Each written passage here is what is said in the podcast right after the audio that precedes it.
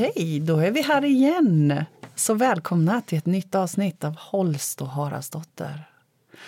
Och vad är viktigt på riktigt? Precis. Det är det vi pratar om.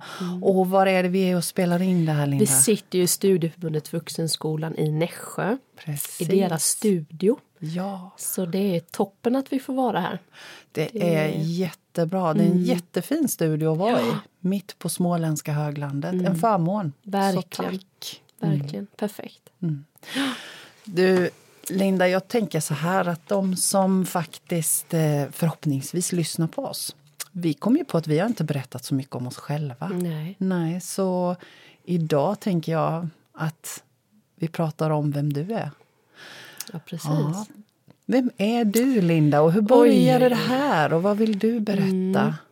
För Det här något? är ju en svår fråga tycker jag. Men Mm. om jag ska prata om det här med eh, eh, andligheten och intuitions... Eh, alltså jag har Mm. alltid haft ett intresse för det.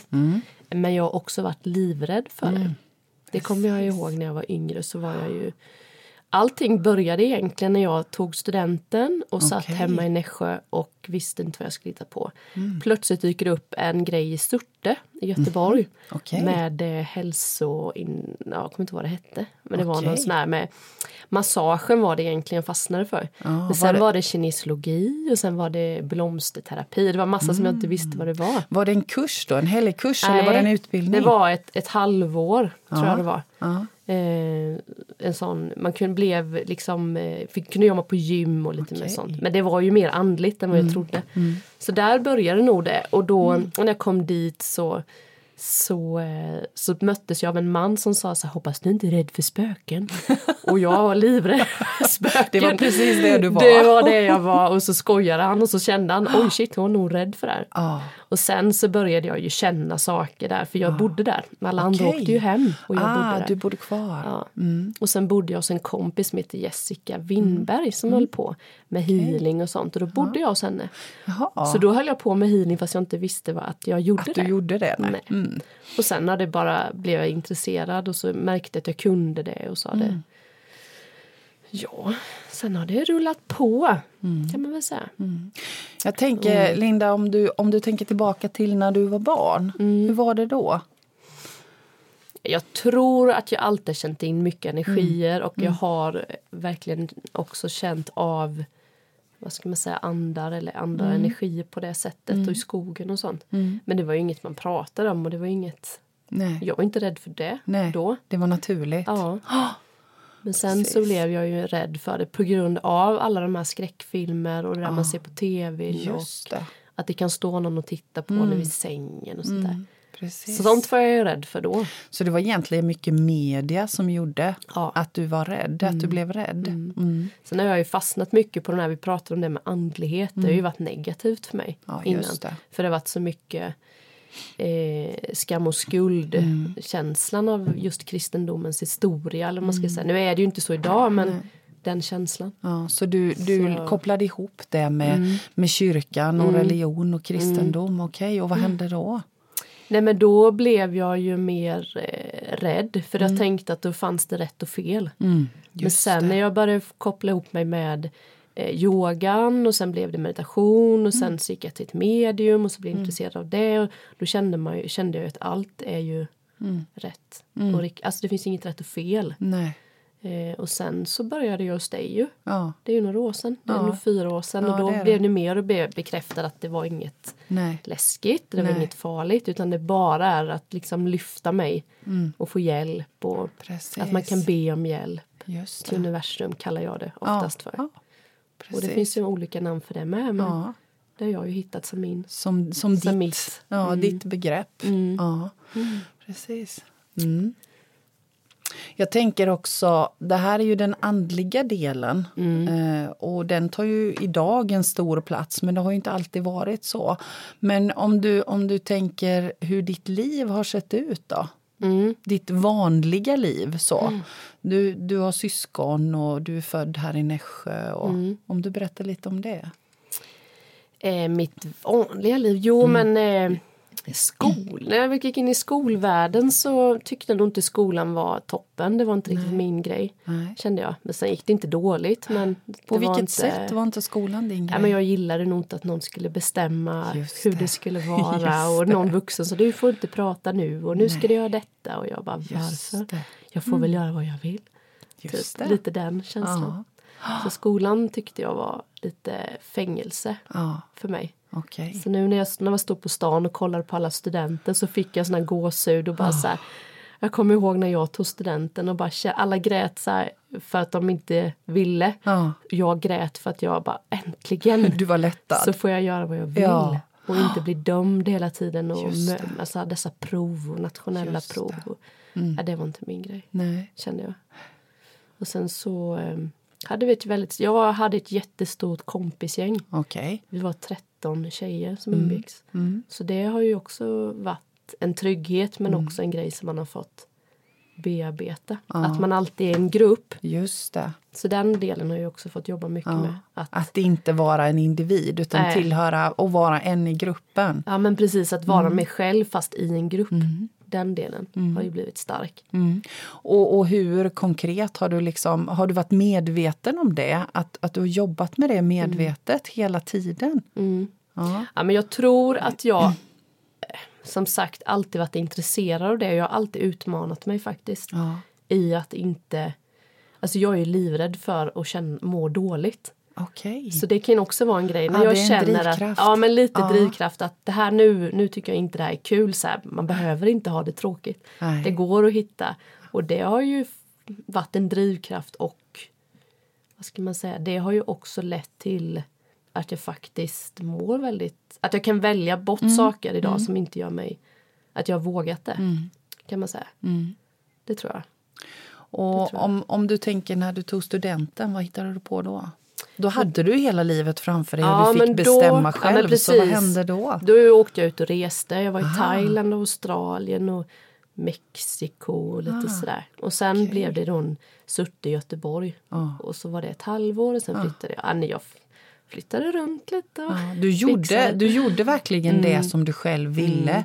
Så det var inte bara så att du, du gick i, i skolan och tänkte att vad tradigt att, att alla bestämmer över mig Nej. och sen ska jag... Och du gjorde verkligen Ja, det gjorde jag. Ja, Absolut. mm, Jag hoppade nog på det mesta. de flesta tågen. Ja. Mm, det har jag nog gjort. Och sen kom du tillbaka hit här, Mm. till Nässjö. Mm. Ja. Vad var det som gjorde det då? Nej, men jag träffade ju Henrik då i, i Malmö.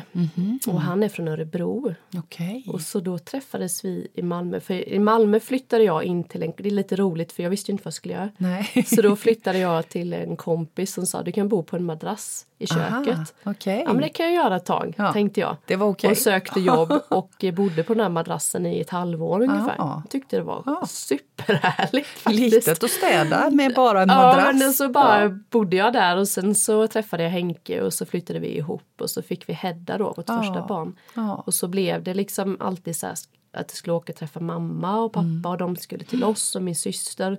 Så vi var, var ju aldrig kvar i Nej, Malmö för att nej. vi ville träffa nära och kära. Så då valde vi att flytta till Nässjö Ja. istället. Ja. Och då bestämde jag mig för att för det var lite kämpigt för jag har ju alltid sagt då till alla jag ska aldrig flytta tillbaka till den här skithålan och höll på. Men då, då kände jag så här, nu får jag ju bestämma Ja. mig. Flyttar jag dit så är det liksom då bara positivt Mm. prat. Eller så, jag kan inte flytta dit och vara negativ. Liksom. Men då märkte jag att då var jag tvungen att tänka till. just det. Ofta frågade folk så här, trivs du i Nässjö? Och så men, bara kommer det, du vet. Ja. Nå, det är ju lite Ah, och så det var första så. Ja men det är tanken. bara liksom en eh, det är vanesak. Ja. Till slut tänkte jag men jag har ju flyttat hit för att det är nära skogen, Ja. det är litet, Ja. ja, liksom allt. Du gjorde ett medvetet Ja, val. det gjorde jag. Ja. Mm. Så jag trivs jättebra. Mm. Och, och så har du fått en liten tös till. Ja, jag har ju tre barn. Ja. Har jag. Så först kom Hedda och sen kom Rut med Just det. sex år och sen har vi Vera som är Precis. två. Ja. Så jag är ju mitt i Du är småbarns mitt i småbarnsåren. livet. Ja, ja, visst. Mm. De intensiva småbarnsåren. Och, och hur går det? Hur, hur kan du förena di, ditt sätt att tänka med medvetna val och livet idag och småbarnslivet med allt vad det innebär? Mm. Jag tror... Vi bor ju på landet, så jag ty- tycker själv att det är väldigt skönt för vi har inte de här barngrannarna. Nej, okay. Så att när man är hemma så är det väldigt lugnt och då är det bara vi. Ibland kan man ju känna att det hade varit skönt med lite lekkompisar men när jag frågar mina barn så tycker de också att det är rätt skönt att bara vara. Så den, den är guld nu när jag tänker tillbaka. Att bo visst. på landet så med där är det vi, där det är Ja, lugnt. och ni kan där välja. Mm, Är, ja, vi kan välja. Så det tror jag. Men sen så är det ju försöka påminna mig om hela tiden Mm. att jag också har småbarn. Ja, Jag kan tänka att jag måste säga just det, allt har sin tid som min pappa brukar säga. Trodde jag höll på att springa och fixa och greja? Nej, jag var med när, jag, när det var samma ålder. ja. Så det får man ju påminna sig om. Men jag, jag tänker att det är viktigt att göra den påminnelsen. Ja. Vi glömmer den lätt. Ja, att var sak faktiskt har sin tid och att vi hinner. Mm.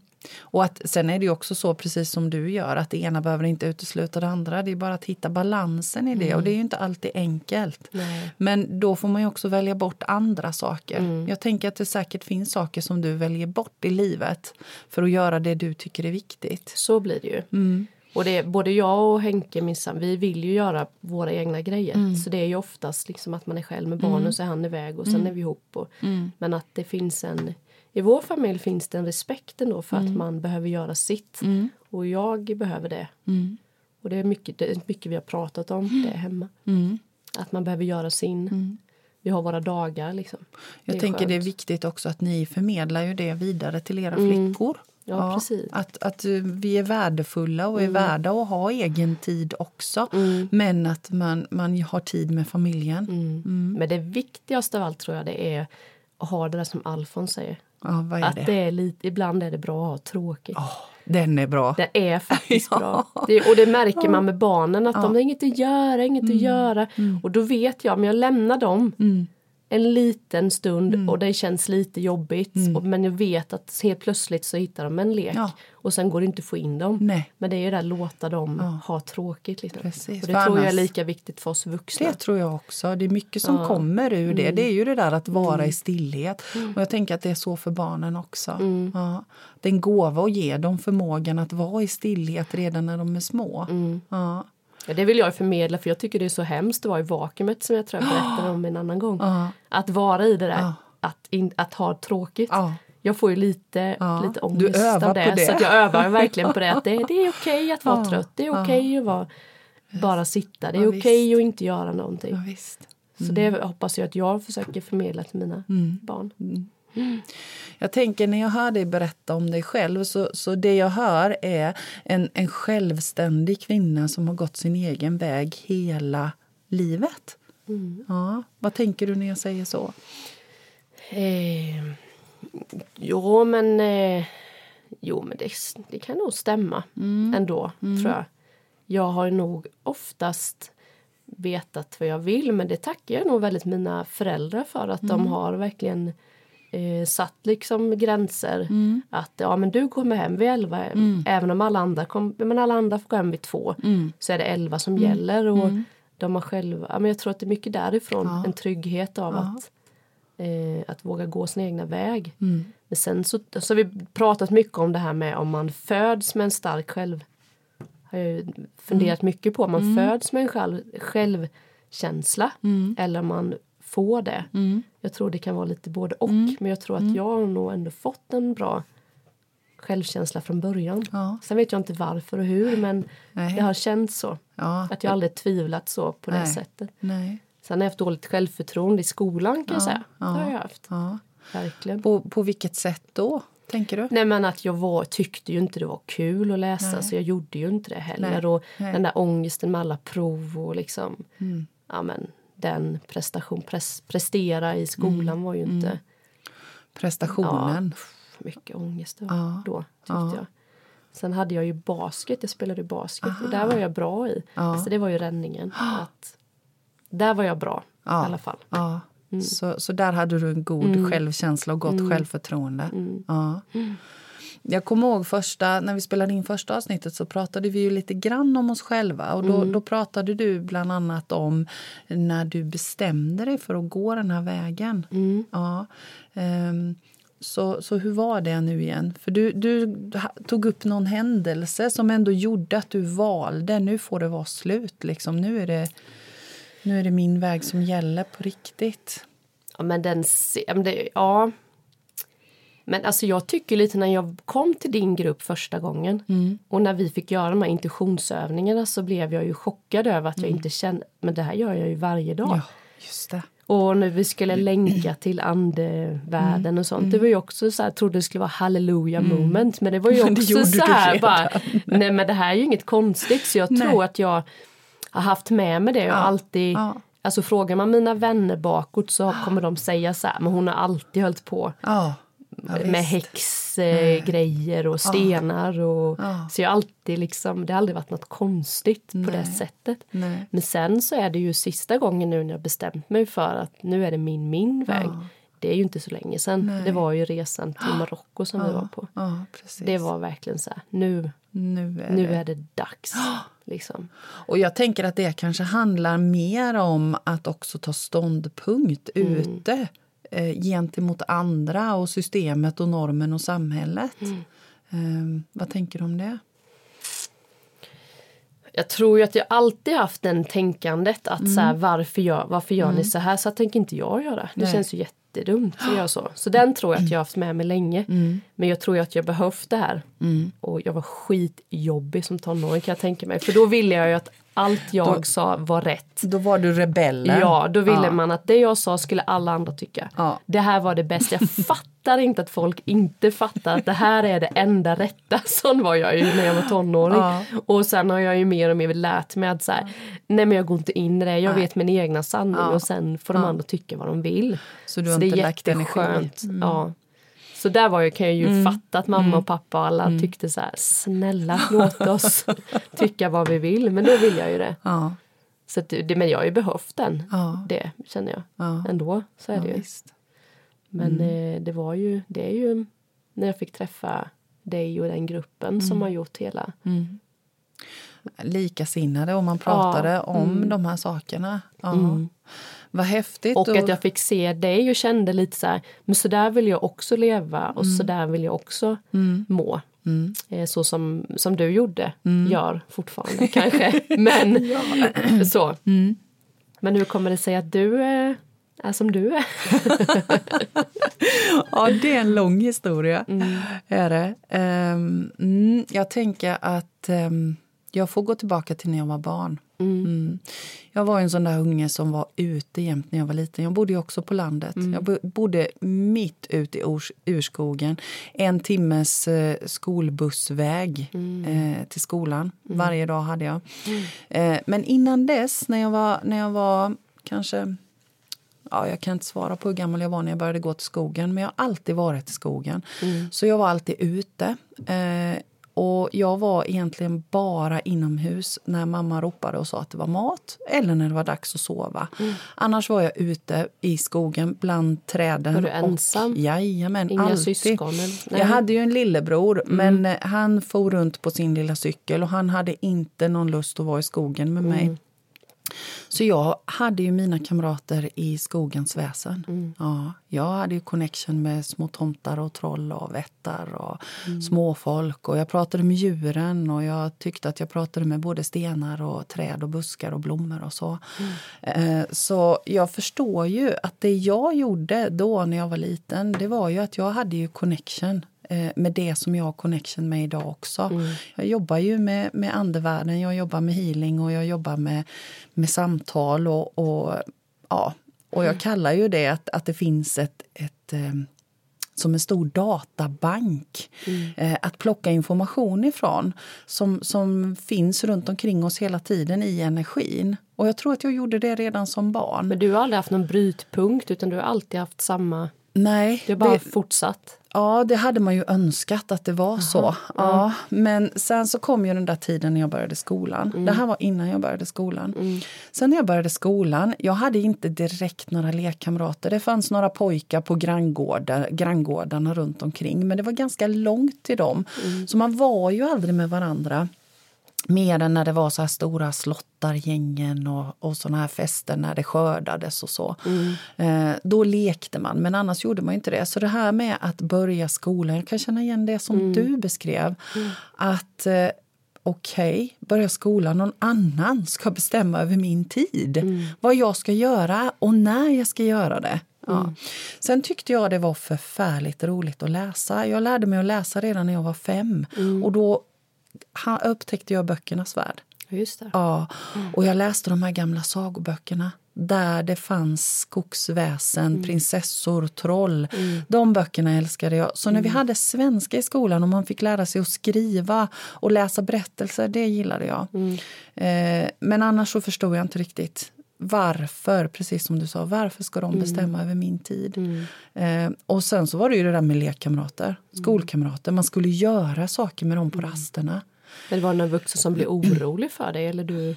Alltså jag observerade inte det. Nej. Nej. Det gjorde jag inte. Mm. Eh, utan jag var i min lilla värld. Jag hittade en stubbe på skolgården när jag gick första, andra, tredje klass. Där mm. höll jag mig. Så. så var jag med ibland, för jag fattade ju ganska snart att äh, men jag måste nog vara med och hoppa lite hopprep här. Mm. Lite. Det förväntas av en. Mm. Eh, och sen så var det så att när jag var nio eh, så flyttade vi in till samhället.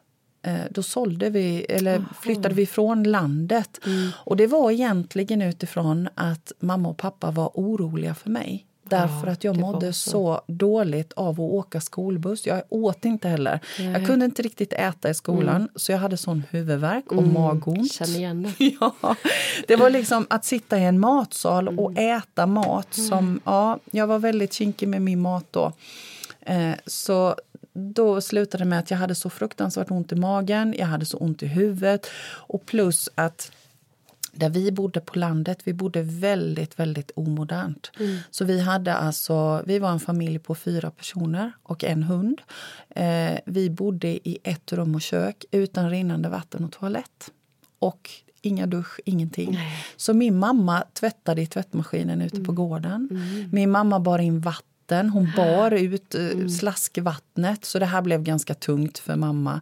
Så det här var en kombo eh, utav de här två orsakerna mm. som gjorde att vi flyttade in till samhället. Vad hände med dig då när du flyttade in till samhället? Alltså, jag stängde ju dörren till, till mycket när jag flyttade. Fast mm. det har jag inte förstått förrän i vuxen ålder. Mm. Så jag gick runt. Jag kan fortfarande komma ihåg när jag gick runt till alla skogsväsen, alla, alla mina djur, alla mina stenar, alla mina platser och sa adjö. Mm. Eh, när jag var nio år. Mm. Och det väcker fortfarande, jag kan känna när jag berättar om det, att det väcker fortfarande lite känslor mm. faktiskt. Mm. Eh, och sen så flyttade vi då in till samhället och då försökte jag att hitta nya platser där vi bodde, för vi bodde ändå ganska nära en skog. Mm. Eh, och det gick ju. Det var ju okej, okay, men, men jag kan känna att där någonstans så började jag stänga av och skärma av. Mm. Jag hamnade jättemycket i böckernas värld. Jag läste och jag läste och jag läste. Så jag var jättemycket inomhus. Man kan säga att jag försvann mm. lite i böckernas värld. Sen så ju, när jag blev äldre, när jag kom upp i, i 12-13 års åldern, då började jag spela fotboll. Då började jag idrotta. Mm. Och då gick det väldigt mycket tid till det. Mm. Och sen vet du, sen försvinner ju tonårstiden. Och... Men hur var du som tonåring då? Alltså jag var ju jättelugn och snäll. Mm. Ja, jag var... Um, det var en jobbig tid, för jag hittade aldrig rätt. Jag, Nej, men jag tänkte så här, hur oh. kändes det? Jag kan känna igen att man inte mm. kände sig själv. Ja. Eller kände var... du så nu när du inte var i skogen så mycket? Ja. Att du, tapp... du blev nästan avstängd? Ja, ja, det blev jag. Jag tappade bort mig själv. Mm. Och jag tyckte aldrig att jag passade in mm. i skolan. Jag tyckte att jag försökte stå på ena benet och jag passade ändå inte. Och jag tyckte jag var eh, kass och dålig och ful och jag var för lång och jag var för stor och jag hade för stor näsa. Och alltså, mm. Sånt hade jag jättejobbigt med i tonåren. Mm. Så jag kommer ihåg tonårstiden som en jobbig tid. Men jag var inte speciellt rebellisk så. Men jag gick ändå i tystnad min egen väg mm. utan att göra väsen av mig. Mm. Ja. Så, och sen så var det ju så när jag slutade skolan så... Men kan inte bara stoppa, visst ja. kan man känna igen när man tänker tillbaka på den där flickan att man, man tänker att ibland att det, det är en själv Ja. men man vill ta hand, eller jag kan känna att jag vill ta hand om den där eh, tonåringen på något sätt. Visst. Att man, men eh, nej, att man hittar tillbaka till sig Ja. själv på något sätt. Att Ja. man hjälper även den. Ja. Förstår du vad jag menar? då? Ja, ja, ja, jag förstår precis. Jag kan, jag kan känna precis samma sak som man du blir liksom säger. ledsen när man tänker på det men, men ändå. Och jag kan tänka på alla flickor allra helst som har det så. Och det kanske är så att pojkar också har det. Det tror jag. Ja, jag tror det med. Jag tror dock Just- att de har en annan typ. De har lite mer macho. Inte Ja. alla ska jag inte säga. Men eh, Nej, men och jag tänker just det där med skolan för mig och det som du också har beskrivit det är ju att, vi, att det är ändå en ganska linjär stöpt form som passar för vissa. Den passade inte för mig. Jag Nej. hade ganska lätt för mig i skolan så det handlade inte om det. Men sättet att den strukturen var knepig. Mm. Kompisar var knepigt. Att, för jag kände ändå någonstans att jag ville inte göra det som de gjorde. Jag ville inte vara en del av det, men det var det som erbjöds. och det är ju det där att vara utanför sig själv. Mm. Så jag ägnade ganska många år till att vara utanför mig själv. när hittade du tillbaka då? Det gjorde jag egentligen inte förrän i slutet på 90-talet. Eh, och under de här åren från det att skolan slutade, för när skolan slutade så träffade jag eh, mannen som blev far till mina barn. Jag har två barn, 27 och 29 år gamla. Och då träffade jag honom eh, när jag var 16 år. Och han bodde nere i Blekinge, så då flyttade jag ner där. Fick, vi fick barn tillsammans och sen den, de här åren som du är i nu, då de åren för mig de bestod bara i att, att leva familjeliv med allt vad det innebär. Eh, och varje dag rullade på. Jag levde ett, ett eh, gott liv, vill jag var säga. du inte lite driven också? Alltså så här, hade Jo, du inte jo, jo. chef och du var lite... Inte, eller? inte, då, inte Nej. på den tiden. Nej. Utan där var det mer så att jag körde på. Jag har alltid haft tusen järn i elden och Mm. hittat på mycket saker. Och det är för att jag har den ådran i mig. Mm. Eh, att jag gillar när det händer saker. Jag tycker om när eh, inte varje dag är likadan. Men också så har det genom åren varit ett sätt att fly från mig själv.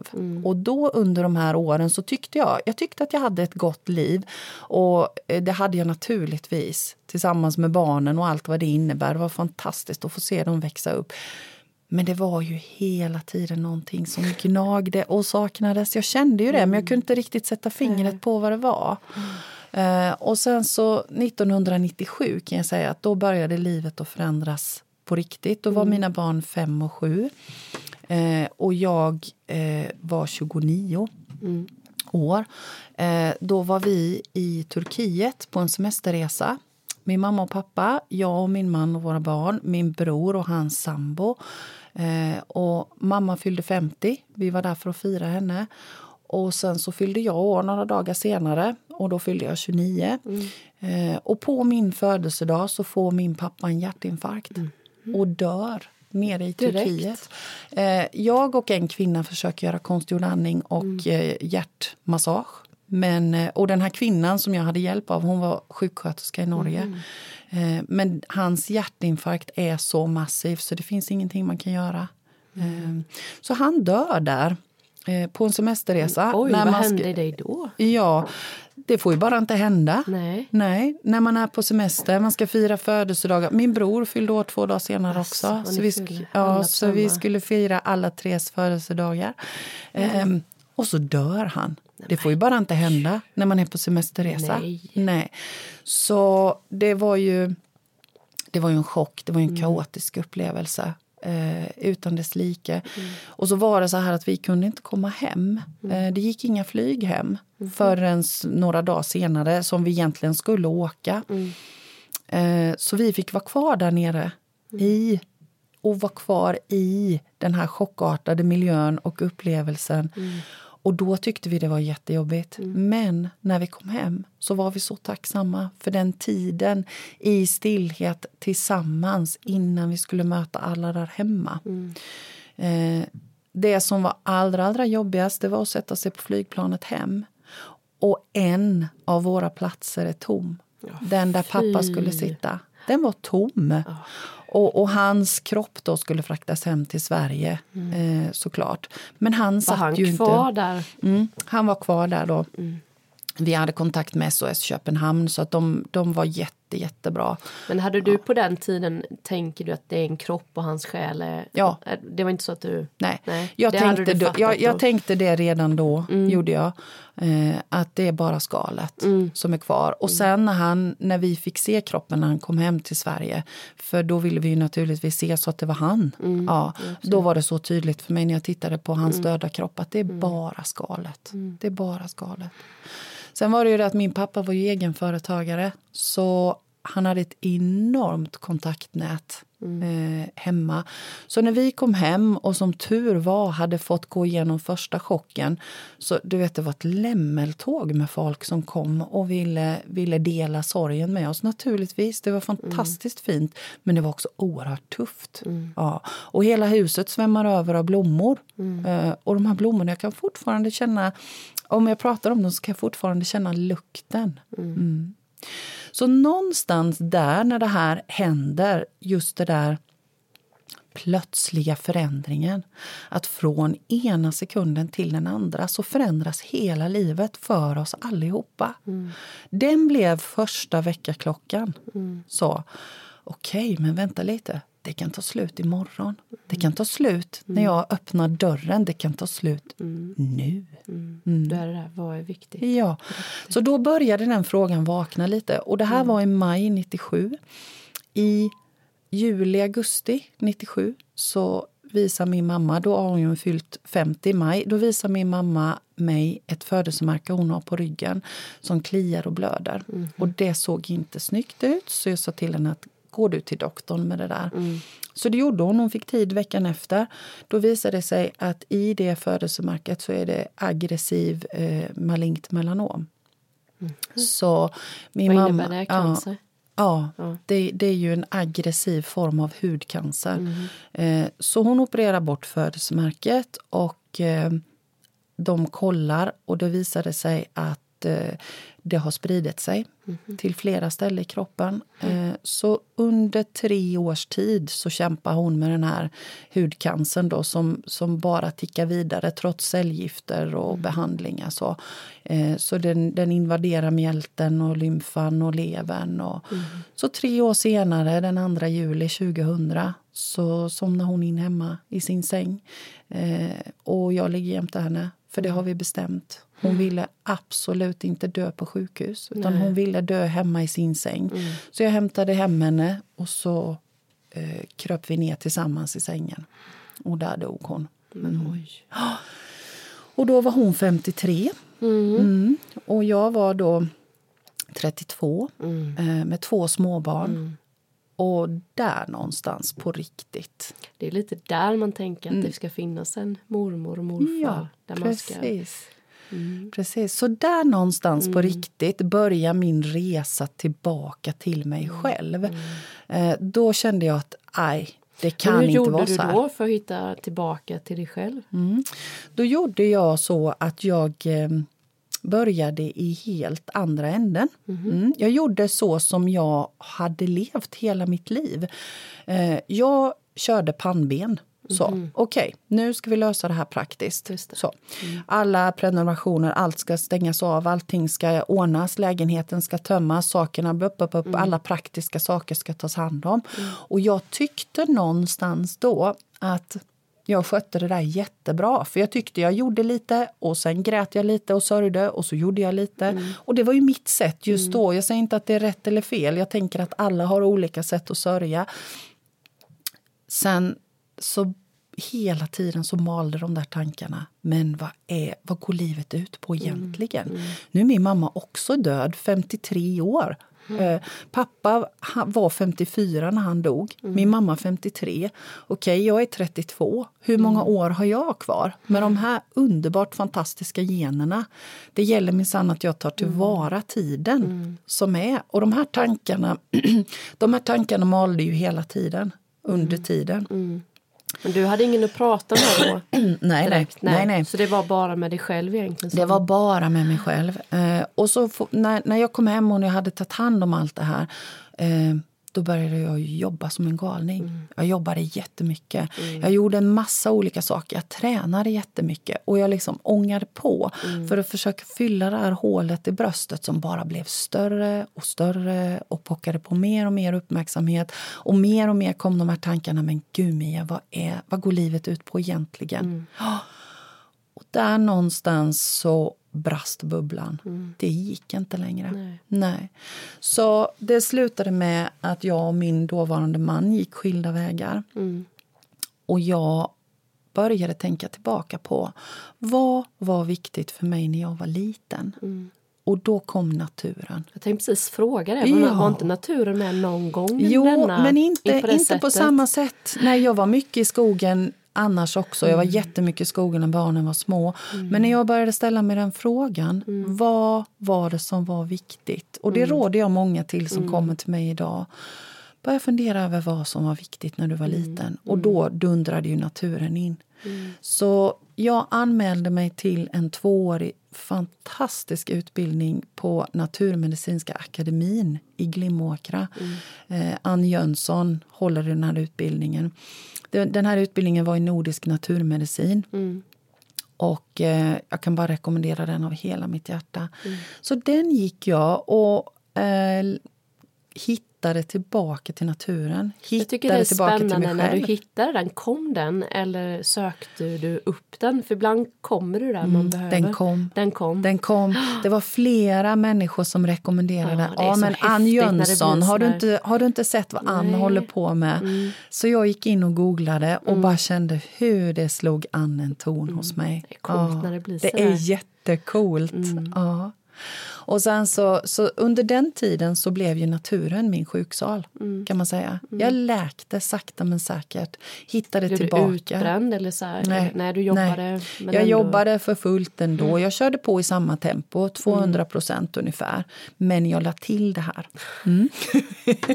ja. så, så jag var inte där ännu nej. riktigt, att jag kunde ta, ta bort och mm. lyssna på min kropp. Mm. Eh, för den skrek ju, mm. naturligtvis. Mm. Jag var helt utmattad egentligen. Ja. Eh, och sen så började ju rösterna i huvudet att vakna igen. Och när man säger att rösterna i huvudet vaknar, eh, det är ju lite kontroversiellt att säga det. Mm. För det är vi så förknippat med att det är psykisk sjukdom och att det mm. kan vara schizofreni och så. Men när jag säger rösterna i huvudet så tänker jag att det var andevärlden. Det var mm. den här databanken mm. som jag pratade om mm. innan med all information där jag pratade med, med skogens väsen mm. och även de på andra mm. sidan. Den började pocka på uppmärksamhet. Så jag började få upplevelser igen. Eh, och då dök det också upp en annan utbildning till medial terapeut mm. nere i Bläntar på mm. Lavit mm. hos Jai och Samja Tornell. Eh, kan rekommendera dem och deras utbildningar också å det varmaste. Mm. Så där, där fick jag lära mig att få kommandot över den sidan hos mm. mig själv och lärde mig att förstå den sidan eh, och hantera den och känna mig trygg med den. Mm. Ja. Så, så där någonstans, mm. och, och mitt i alltihopa det här så handlar det om att upptäcka, återupptäcka. Mm. Vem är jag? Du flyttade tillbaka ja. till din ja, det hemort? Jag. Eller ja. är du uppvuxen där?